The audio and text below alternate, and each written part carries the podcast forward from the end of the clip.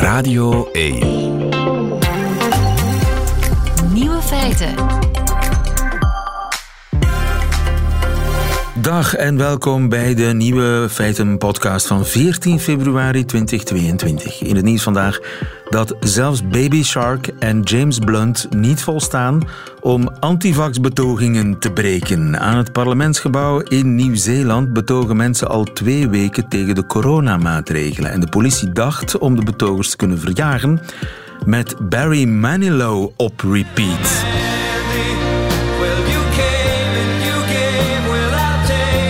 Zonder effect. Dus schakelden de ordendiensten een versnelling hoger.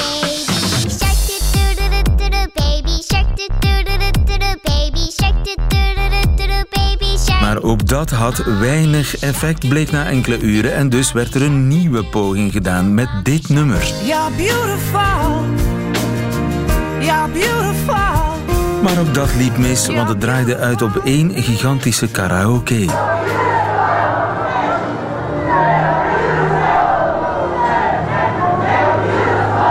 Uiteindelijk zijn er toch een aantal betogers vertrokken nadat ze de meest atonale versie ooit van My Heart Will Go On over zich heen kregen.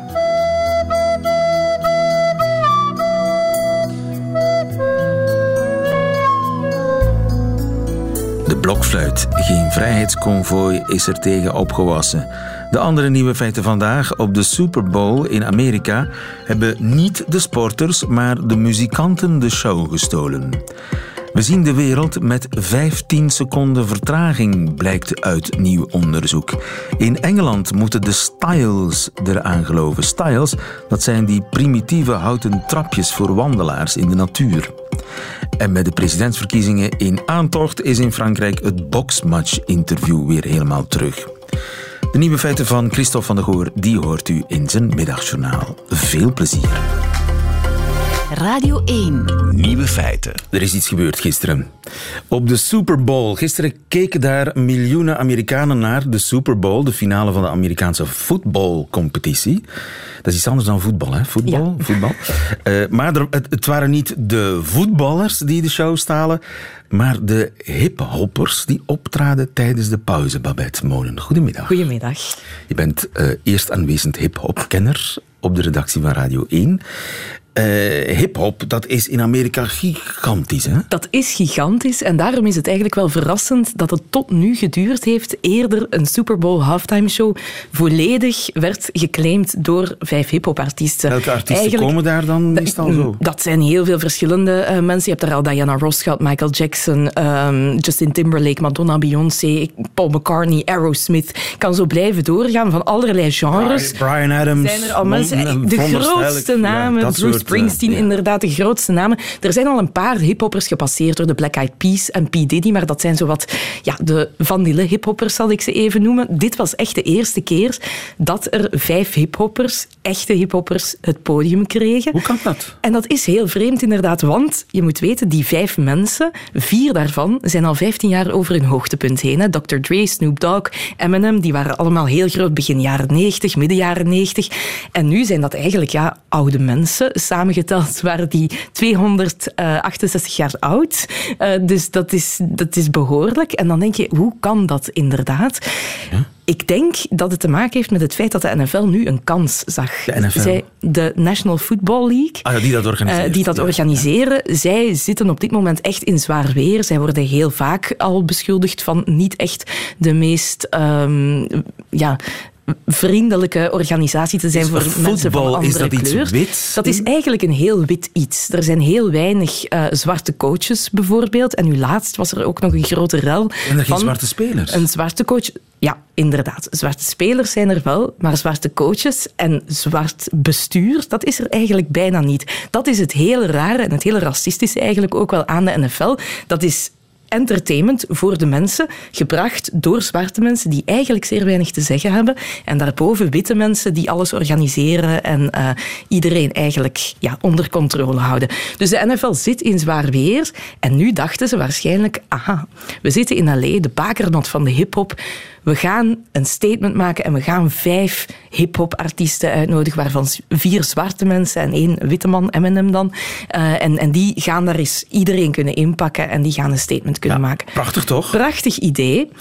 Alleen dus inderdaad jammer dat het zo lang geduurd heeft. En ook jammer dat ze dat niet helemaal hebben kunnen waarmaken, want er wordt heel veel gecensureerd. This should have happened a long time ago. As far as hip hop, hip hop is the biggest genre of music on the planet right now. So it's crazy that it took all of this and all of this time for us to be recognized, you know? So I think we're going to go on and do a fantastic show, and we're going to do it so big that they can't deny us anymore in the future. Je hoort Dr. Dre, hè, die zegt het is echt schandalig dat het zo lang geduurd heeft, maar we, we're gonna kill this shit. En dan wordt hij al meteen gecensureerd. Maar hij zegt, oké, okay, ik, ik trek mij dat niet aan. Ik ga ervoor zorgen dat we een goede indruk gaan maken. En dan kunnen er alleen maar winnaars zijn, want nadien kunnen ze ons nooit meer ontkennen. Waren er strenge regels wat mocht en niet zeer mocht? Zeer strenge regels, lieven. Die uh, we're gonna kill this shit, dat is het minste dat ze gecensureerd hebben. En alle uh, vloekwoorden zijn eruit gebannen. Nu natuurlijk, als je hiphoppers vraagt, dan moet je echt heel veel gaan Dit is de meest gebliepte halftime show van uh, de geschiedenis. En dat is inderdaad live, dus ze moesten dat zelf doen. Dus dan kreeg je heel rare uh, dingen van 50 Cent die zich in allerlei bochten wrong. Als hij bitches, zo en motherfuckers zou zeggen, maar dan eigenlijk, ja, uh, mother, her. En dan hoorde je hem zo wat mompelen, want ze wisten, wij mogen hier geen verkeerd woord zeggen. Nu, je kunt zeggen, oké, okay, die vloekwoorden, daar kunnen we nog wel zonder, maar het ging eigenlijk verder dan dat. er was op voorhand echt gezegd, we gaan geen politieke statements maken, maar Dr. Dre, die je daarnet hoorde, is de oprichter van NWA, van, bekend van de hit Fuck the Police. Dus die zijn echt gewoon groot geworden op maatschappijkritiek. En dan krijg je na zoveel jaar eindelijk dat podium. En dan wordt er gezegd, ja, maar dat mag je niet zeggen. Hij heeft één lijn uh, in, in een nummer dat hij gebracht heeft, heeft Still Not Loving Police, zegt hij daar. En daarvan zei de NFL, nee, dat gaan we niet doen. Dat is de politiek. Als je dat al niet meer mag zeggen als zwarte artiest, als je eindelijk na zoveel jaar de kans krijgt om je daar te uiten, dan weet ik eigenlijk niet of je nog kan spreken van een, van een accomplishment, van een overwinning, dat je daar mag staan, want je blijft nog steeds gecontroleerd. Hebben ze zich keurig aan die richtlijnen van de NFL gehouden? Ze hebben zich daar redelijk goed aan gehouden. Het grappige is dat degene die het meest uit de band gesprongen is, de witte man was. Eminem heeft het grootste risico durven nemen. En ook daar is nu weer discussie over, want Eminem is de enige die geknield heeft. Na zijn hit Lose Yourself heeft hij Dat betekent ook heel wat, dat, dat betekent echt heel veel. Dat is, uh, naar, in 2016 is dat opgekomen. Um, en uh, toen was het een zwarte speler van de NFL die knielde om eigenlijk te protesteren tegen um, de, de wantoestanden en tegen het racisme. En Eminem zou op voorhand aangekondigd hebben van ik ga dat doen. De NFL heeft gezegd dat ga je niet doen. Dat mag niet. Onze spelers mogen dat ook niet. Want de kerel die dat destijds gedaan heeft, die is meteen, heeft hij geen werk meer gevonden enzovoort. Dus dat is echt een ding in de NFL. Maar Eminem dat heeft gevaar dat natuurlijk bestaat natuurlijk niet voor hem. Lak aan, inderdaad. Hij heeft dat gewoon gedaan.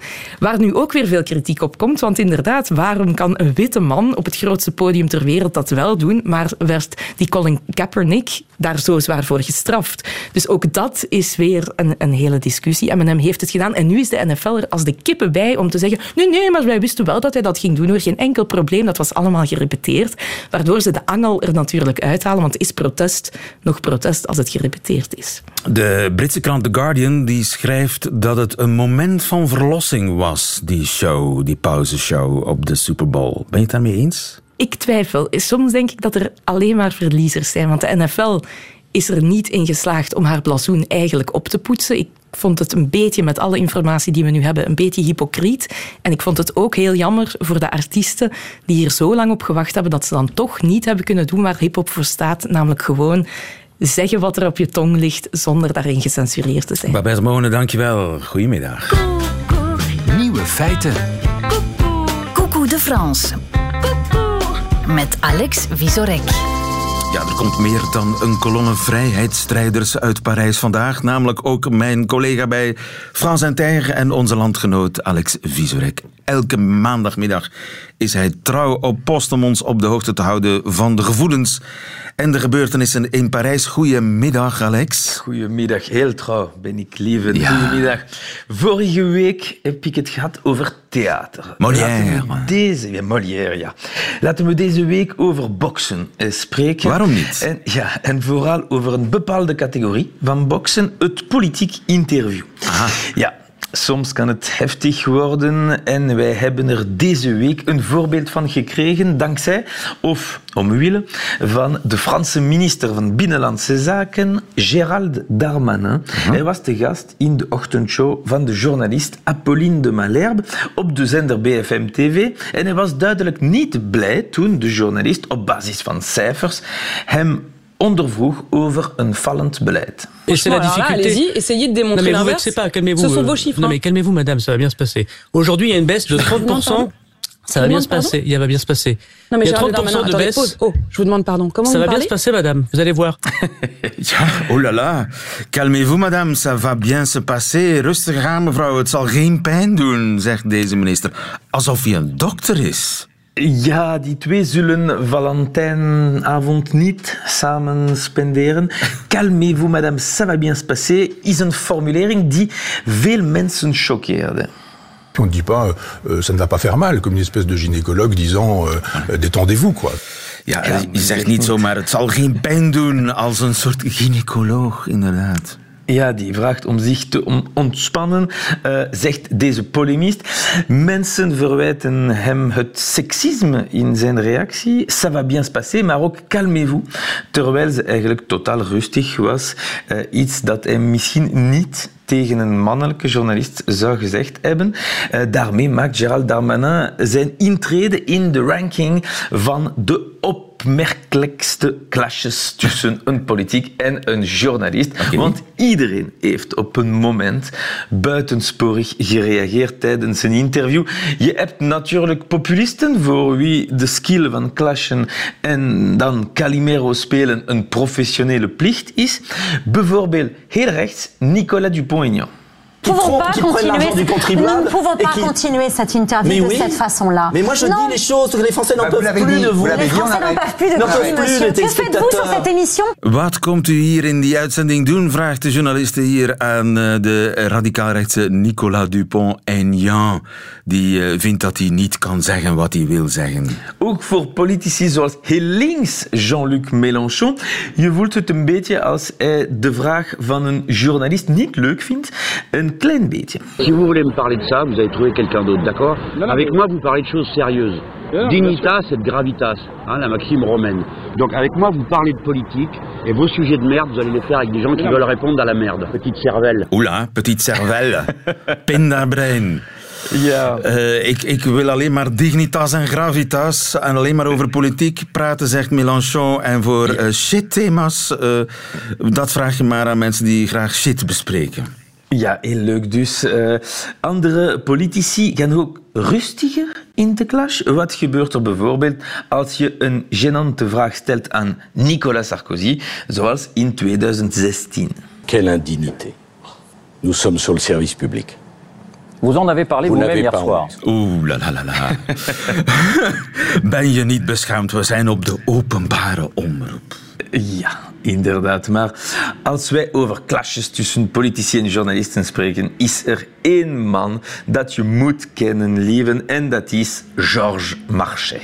Ça fait 20 fois que je discute avec vous. Ah, Vous Mais vous- pas vous n'en parliez pas comme ça. Vous, vous arrivez Vous n'en parliez vous jamais dans- comme vous ça. arrivez pas à vous mettre dans votre petite tête que moi aussi j'ai un cerveau. Oeh la la la. Ik heb ook- een brain.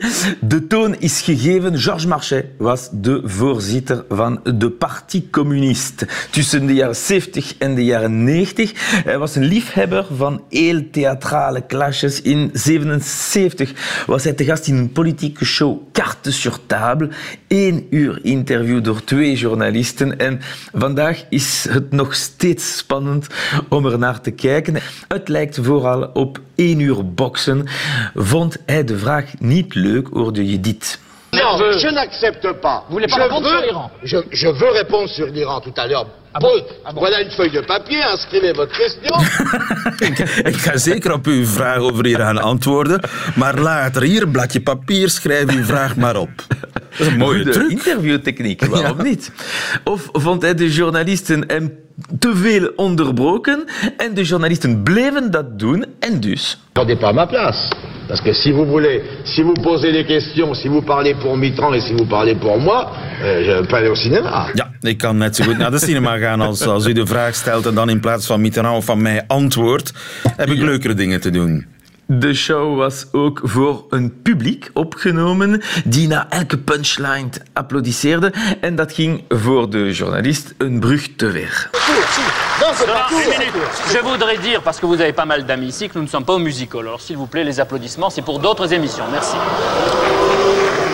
Ah non, mais c'est vrai. Oei, we zitten hier niet in een variété-theater, dus dat applaus, laat dat maar zitten. Geen musical. Ja, politiek is inderdaad geen theater, maar het lijkt er soms heel erg op. Je kunt tenminste bij Georges Marchais een zekere erkennen, wat zeker minder het geval was voor Gérald Darmanin deze week. Soms is een clash een bewijs van controle, soms het tegendeel, ma- maar bad buzz kan ook gewoon buzz zijn. Want kijk, we spreken er nu over. Uh, mais maintenant c'est fini, calmez-vous, lieve, ça va bien se passer. Dat was geheel pijnloos, inderdaad. Dankjewel. Tot volgende week. Tot volgende week. Alex Vizorek.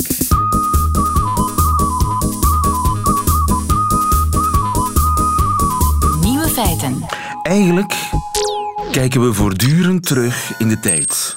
Zo'n 15 seconden blijkt uit een merkwaardige studie in Berkeley. Tom Beckers, goedemiddag. Goedemiddag, lieve. Tom, je bent professor cognitieve psychologie aan de Universiteit van Leuven. Duurt het 15 seconden voor we iets zien? Nou, het is wat ingewikkelder dan dat. Maar um, ja, in zekere zin ook weer wel. Maar voor ik dat kan uitleggen, moet ik misschien eerst iets zeggen over hoe onze waarneming werkt. Hoe werkt onze waarneming, Tom Beckers? Ja, wij mensen hebben vaak het een beetje naïeve idee dat onze ogen de wereld om ons heen op objectieve wijze registreren door een passief proces, zo'n beetje zoals een filmcamera. Ja, ja, we zien de wereld zoals, zoals hij is. Dat denken ja. heel veel mensen, maar dat is natuurlijk ja. niet zo. Nee, en daar hoort dan ook het idee bij dat onze herinneringen ook de neerslag zouden zijn van die opnames die onze zintuigen maken, die we daarna ook weer kunnen oproepen, net zoals het gebeurd is, een beetje zoals een videorecorder. Ook dat klopt en niet. Onze herinneringen zijn fictie, zijn constructies. Heel erg, ja. Dus dat, dat onderschat schromelijk hoezeer onze waarneming en, en herinnering inderdaad actieve processen zijn. We zien de werkelijkheid niet zoals die is, maar zoals we die zelf mee vormgeven. Right? En ook onze herinneringen zijn voor een stuk constructie, die worden meegevormd door allerhande interpretatieprocessen, terwijl we de dingen al zien, maar ook achteraf als ze ze weer oproepen. Ja, dus we, we maken eigenlijk een soort beeld. Ja, terwijl we, we aan het kijken de zijn. werkelijkheid voortdurend zelf. Ja. En, en dat moet ook wel. Want de informatie die binnenkomt via onze zintuigen, die is heel erg ruw, die is heel erg onvolledig. We zouden tilt slaan als we de informatie die onze retina bereikt, ongefilterd en onbewerkt zouden zien, als het ware. Ja, maar waar, waar komen die 15 seconden nu vandaan? Wel, kijk, um, het punt is, we zijn eigenlijk heel grote stukken van de tijd ook gewoon blind, bijvoorbeeld. Zo'n zo 10 tot 15 procent van de tijd komt er eigenlijk helemaal geen bruikbare informatie binnen via onze ogen. Omdat we knipperen bijvoorbeeld, of een oogbeweging maken. We maken gemiddeld zo'n drie oogbewegingen per seconde. En dat is dan nog geteld zonder de minimale trillingen die onze oogbollen voortdurend maken. Zo'n 50 keer per seconde.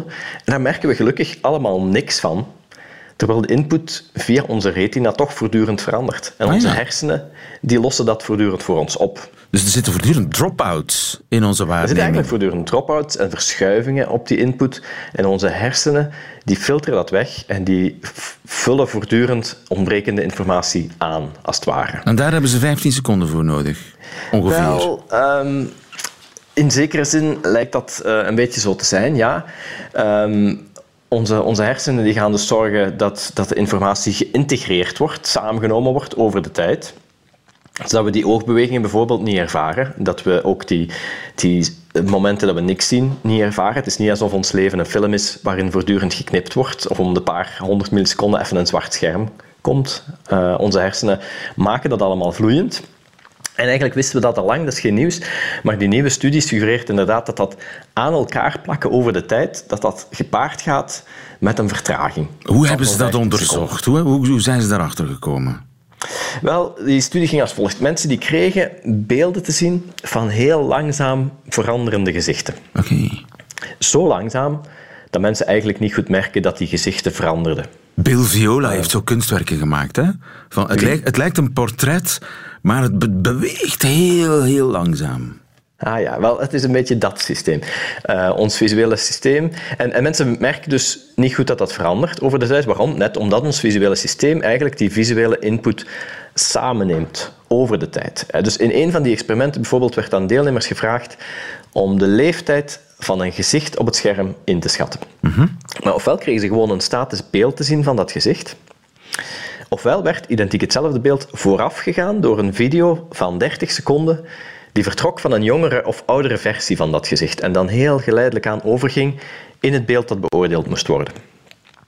Alright. Dus in beide gevallen moeten deelnemers exact hetzelfde beeld inschatten, het eindbeeld van het filmpje, of gewoon een statusbeeld dat het eindbeeld is van zo'n filmpje. Maar toch blijkt dat mensen die dat filmpje te zien kregen, dat heel langzaam veranderde, dat die afweken bij hun inschatting in de richting van de startleeftijd van het filmpje. Oké, dus zij schatten de, de figuur veel jonger in. Ja, een oud gezicht werd dus jonger ingeschat als het was voorafgegaan door een langzaam veranderende jongere versie van dat gezicht. Dus het lijkt met andere woorden dat de deelnemers eigenlijk niet het eindbeeld dat voor hun neus op het scherm stond aan het beoordelen waren, maar Eerder het beginbeeld. Het gemiddelde van de ja, beelden uit de afgelopen 30 seconden of, of een beeld van 15 seconden geleden. Ja, zeg maar, als er plotseling, ik ben aan het rijden en er, en er springt een paard op de weg, dan heb ik wel geen 15 seconden nodig om dat paard te zien. Nee, gelukkig niet. Dus je kan wel zeggen, onze mentale representatie van het nu loopt achter op de werkelijkheid. Maar zeker niet altijd en zeker niet met 15 seconden. Uh, want dat zou dramatisch zijn natuurlijk. Het gaat hier heel specifiek over zo'n situatie waarbij je heel langzaam uh, een heel langzame verandering, een heel onopvallende verandering hebt in een vrij kunstmatig gezicht dan bovendien, waar, waar heel veel details waren weggehaald. Als je plots het ene gezicht zou vervangen door het andere, dan, dan zouden mensen meteen opmerken, dan zou hun mentale representatie van het nu meteen veranderen. Het is een beetje, Je kan het vergelijken met een kikker uh, die je in een, in een heel langzaam um, in, een, in een pot steekt waarvan de temperatuur heel langzaam oploopt tot 100 graden. Die kikker die protesteert niet en die laat zich langzaam koken. Maar als je die meteen in een pot van 100 graden dropt, dan zal die luidkeels kwakend protesteren.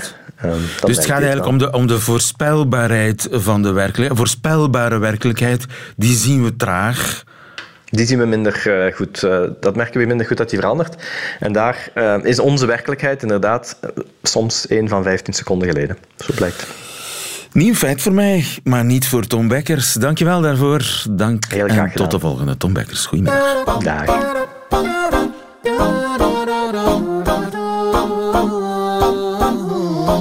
Nieuwe feiten culturele aardverschuiving in Engeland. De styles, de country styles, die moeten weg. Harry de Pape, goedemiddag. Goedemiddag. Je bent historicus, schrijver, anglofiel. Uh, country styles, dat zijn toch van die primitieve houten trapjes in de natuur, hè? Ja, ja, ja. Je hebt de verschillende soorten. Hè. En zo klim je over uh, de omheiningen van weiden en kan je zo verder wandelen op de footpaths in Engeland, hè, waarbij je volop kan wandelen de Engels, op het Engels platteland. En die horen er echt al eeuwen bij. Hè. Ze zien er ook uit alsof ze er al eeuwen staan.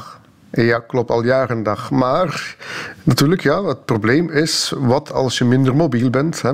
Dan kan je niet genieten van het landschap. En dus worden boeren nu aangeraden om die styles te vervangen. Oké, er zijn mensen met rolstoelen die, die footpaths bewandelen. of, nee, vandaag niet. Juist daarom. Ah, ja. Ja, juist. Wel, het is al een paar jaar bezig hoor. Je hebt, de, eh, of, je hebt de Equality Act van 2010 die al bepaalt dat, je, dat die styles zouden moeten aangepast worden. Maar natuurlijk, de discussie nu ontstaat nu, wie gaat dat betalen? En de boeren zeggen, ja, dat is, dat is toch niet onze kost. Hè? Wij hebben op zich niet zo graag mensen die zomaar op ons land lopen. Dus wie gaat het betalen? Je krijgt een discussie tussen boeren en lokale overheden over het plaatsen of vervangen van styles. Want het statuut van die voetpaden is me nog niet helemaal duidelijk. Je loopt eigenlijk over privéterrein, maar dat mag. Ja, want het zijn, het zijn public footpaths. Hè. Dus, openbaar, dus je mag daar doorlopen. Dat is ook al een, een, oude traditie in Engeland. Je kan daar doorwandelen. Je moet wel opletten, en dat is ook interessant. Hè. Sinds uh, recent heeft, heeft de overheid een nieuwe code uitgeschreven, de Countryside Code, waarin wandelaars, of ramblers wordt het dan genoemd, de trekkers, uh, ja, toch bepaalde beperkingen of, of gedragsbeperkingen uh, meekrijgen of bepalingen meekrijgen hoe ze zich moeten gedragen in het landschap. Ah ja, goede manieren in het landschap, Engelse stijlen. En dat, dat is een nieuwe code, die moest uh, geüpdate worden. Die werd geüpdate, ja. Daar staan, uh, dus een gids voor country visitors heet het dan. En daar staat dan bijvoorbeeld in, als je een andere wandelaar tegenkomt, begroet die vriendelijk. Hè. Blijf, op, okay. blijf op de paden. Ja. raap je hondenpoep op, staat er bijvoorbeeld bij als je hond rondloopt. Laat ook je hond niet wild rondlopen, want dat kan het vee opjagen. En dat is op vraag van de boeren. Maar dat keert dan ook tegen die boeren op zich. Want er is ook een document, dat heet Advice for Land Managers, waarbij de boeren ook allerlei bepalingen krijgen. Bijvoorbeeld, als je bezoekers op je land ziet passeren, wees er vriendelijk tegen. Begin niet te schreeuwen, ga van mijn erf af, maar zeg goeiedag. En bijvoorbeeld, staat ook in die bepaling. Uh, maar ook gevraagd, ik heb dat nooit meegemaakt dat, dat iemand schreeuwt van mijn nee. erf.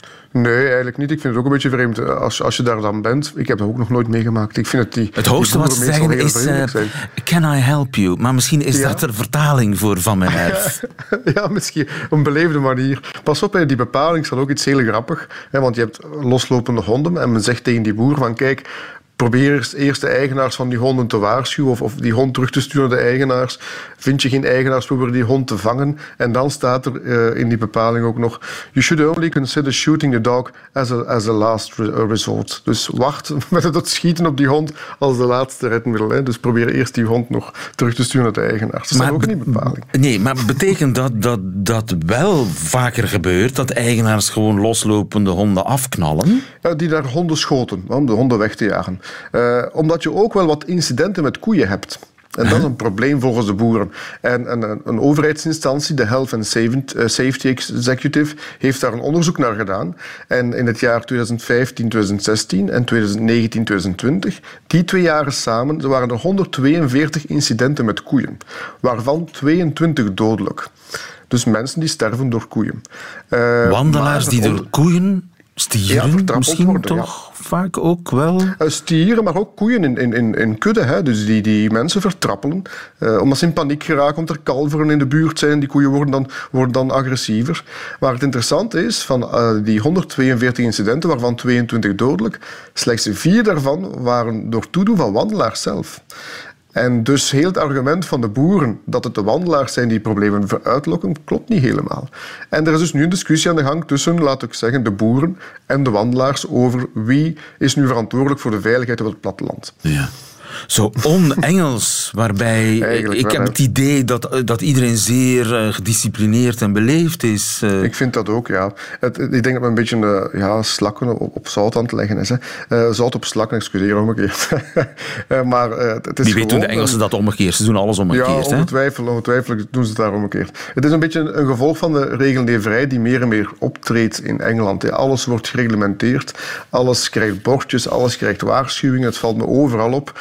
En volgens mij is het ook een gevolg daarvan. Het is niet zo dat er zeden ruwer zijn geworden op het Engelse platteland. Het is volgens mij ook een gevolg van de lockdown. Je hebt heel veel mensen die uit de wandelen gingen en er was meer afval, er was uh, meer overlast op het platteland. En dat is dan nu een volgens mij overtrokken reactie van de overheid om dit in betere banen te leggen. En dus die heerlijke styles die moeten weg. Ik ga ze wel missen. waar worden ze door vervangen?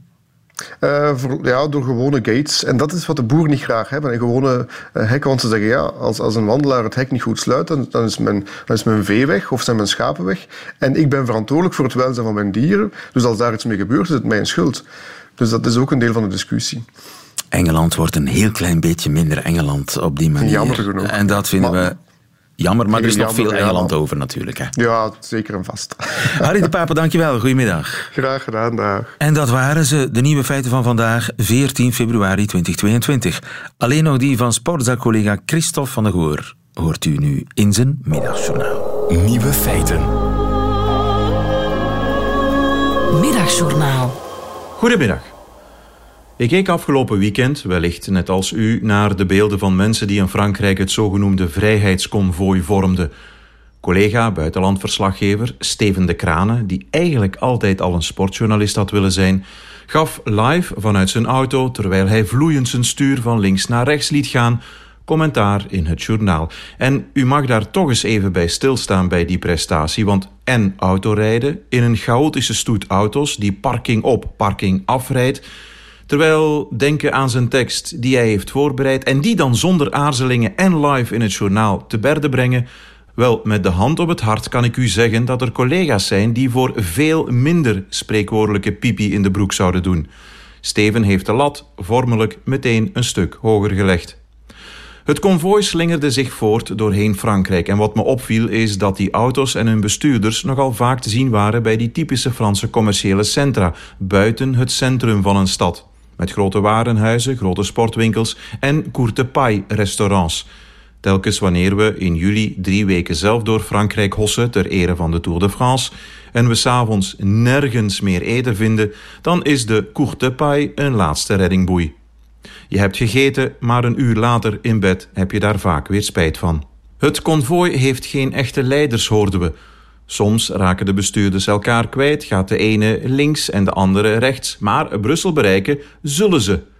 In onze hoofdstad maakte men zich gisteren zorgen, niet geheel onterecht, over de verwachte verkeerschaos, zoals deze Brusselse dame. Je trouve que dans Bruxelles, madame, c'est constamment des problèmes.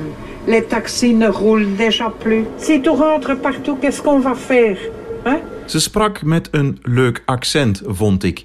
En dat deed me dan weer terugdenken aan mijn eigen jeugdjaren, buiten, spelend, op straat, op een fietsje, wat had u gedacht. Ik woonde in Tongeren, op een van de invalswegen vanuit Luik. En vaak gebeurde het dan dat luikenaars naar de markt in Tongeren kwamen en aan dat fietsend joch de weg vroegen. En dat ging dan zo. Hé, hey, mon ami, tu sais comment rouler pour arriver au centre, hein? Est-ce qu'il y a un parking quelque part, hein? Frans met een flink Limburgs accent, vooral bij inwoners uit Rancourt, een voorstad van Luik. Weet u, in Rancourt lag een legendarische betonnen wielerpiste rond het voetbalveld van Club Luik. Vaak ook de aankomstplaats en de finish geweest van Luik Bastenaken Luik. En zo gleden mijn gedachten opnieuw af naar dat vrijheidsconvooi, dat afgeleid zou worden naar de grote parkingszee op de Heizel. Daar had zo'n grote betonnen wielerbaan moeten staan, dacht ik. De tragere mobielhomes onder in de baan, de snellere auto's in de bovenste ring en rijden maar. Dan geraakten ze elkaar nooit meer kwijt. En Steven de Kranen kon in een verwarmde commentaarbox zijn ding doen.